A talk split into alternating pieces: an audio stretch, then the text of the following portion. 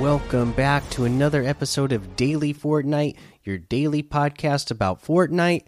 I'm your host, Mikey, aka Mike Daddy, aka Magnificent Mikey. And today, uh, you know what? There's just not a lot of news. It's a Sunday. They pretty much covered everything throughout the week. I know that the Shockwave launcher has been funded. It's in the game. I have played around with it now, so that is a good thing to know.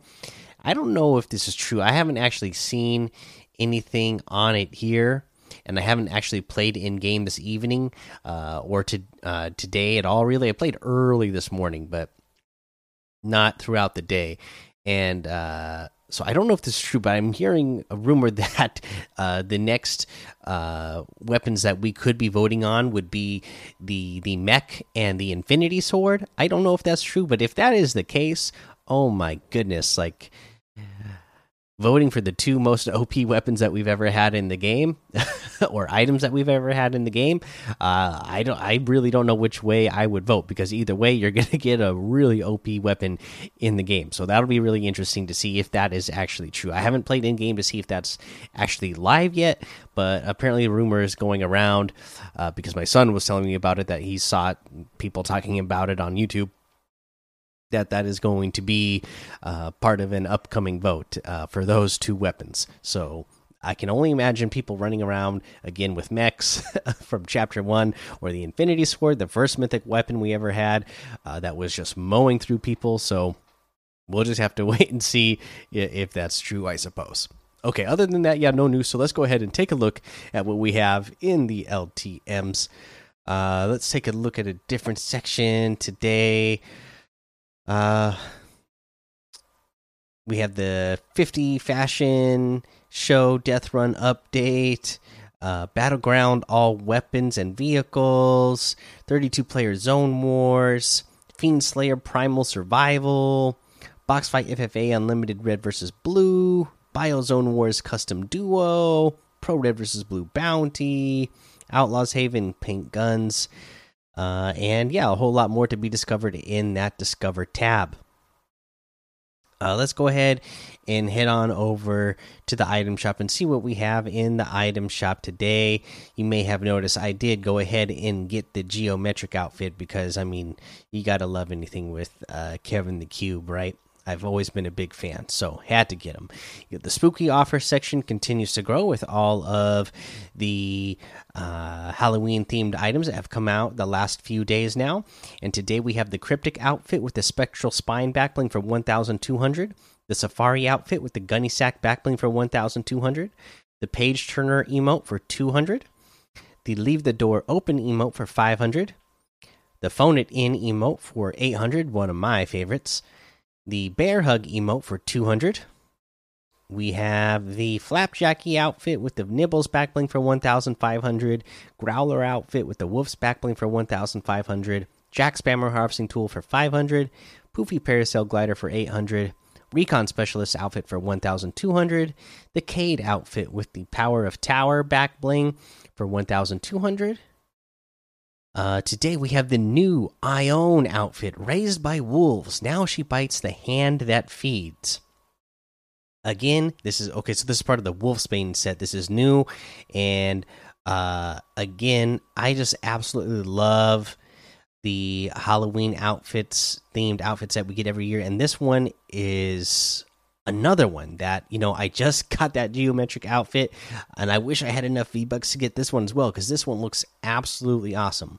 So it says pull the might and malice dual wield pickaxe off the Wolf Moon Crest back bling. So these go together. The Wolf Moon Crest back bling, beware the half moon and it's these two uh, pickaxes that are on your back and then you can have the might and malice harvesting tool uh, the pup has turned. So you can uh, wear this on your back as a back bling and again it'll animate to come off your back if you're using both the back bling and the harvesting tool at the same time. So that is pretty awesome.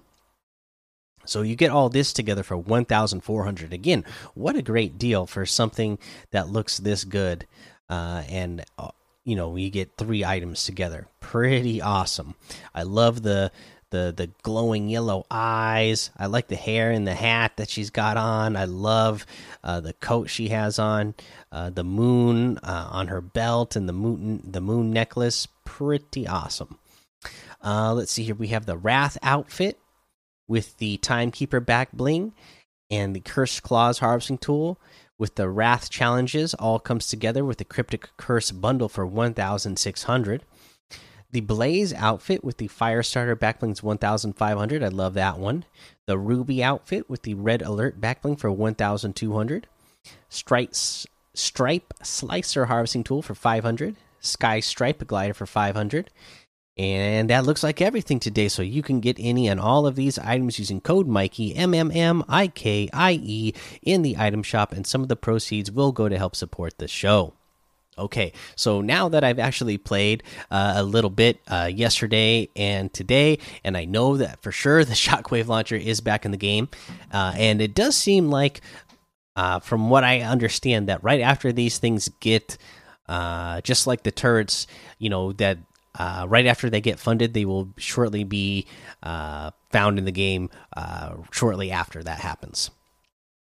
so, uh, with that being said, the shockwave launcher is back, and we already told you how you can, you know, point it straight down so that you can bounce straight up and take height on somebody and break through their builds and uh, get on uh, uh up to where they are.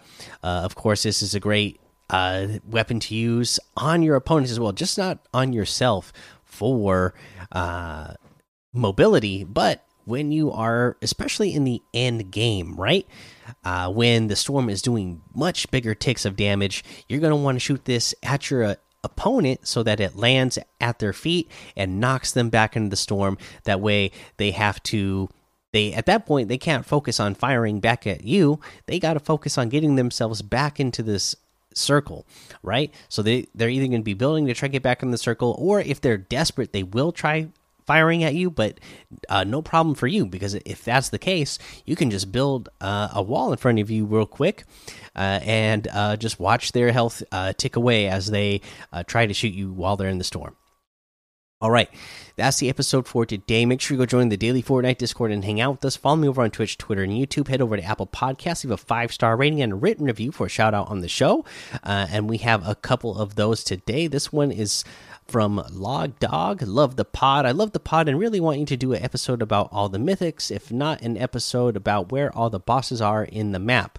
Also, who here likes spraying Brutus minigun OP? Well, yeah. uh, if you have it, you gotta love it, right? Uh, that's uh, definitely one that uh, if you have it, it, it's fun for for you to have. Uh, we have Arc of the Deep with five stars. Says what? Glevin? Blevin? I know Kevin, but what? Okay, yeah. I know, right?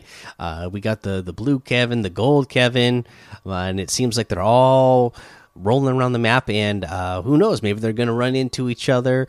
Uh, maybe uh, we're going to find out.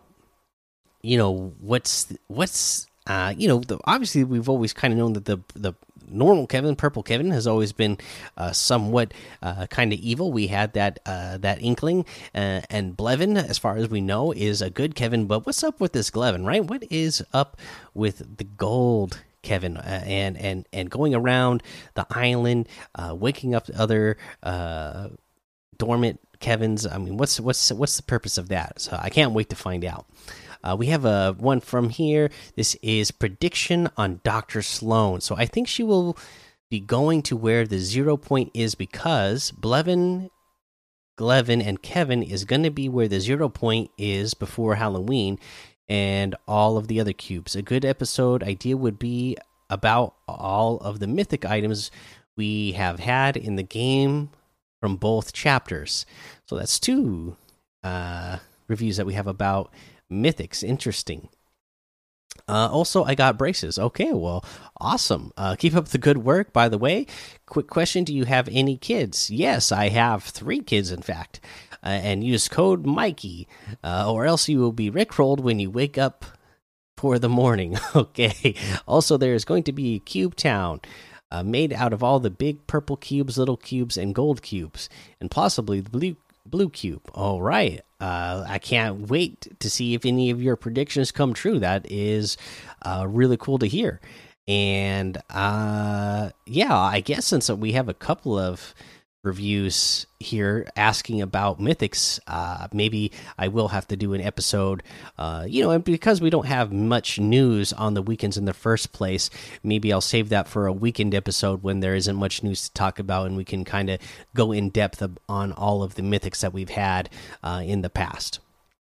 But that is the episode. So uh, until next time have fun be safe and don't get lost in the storm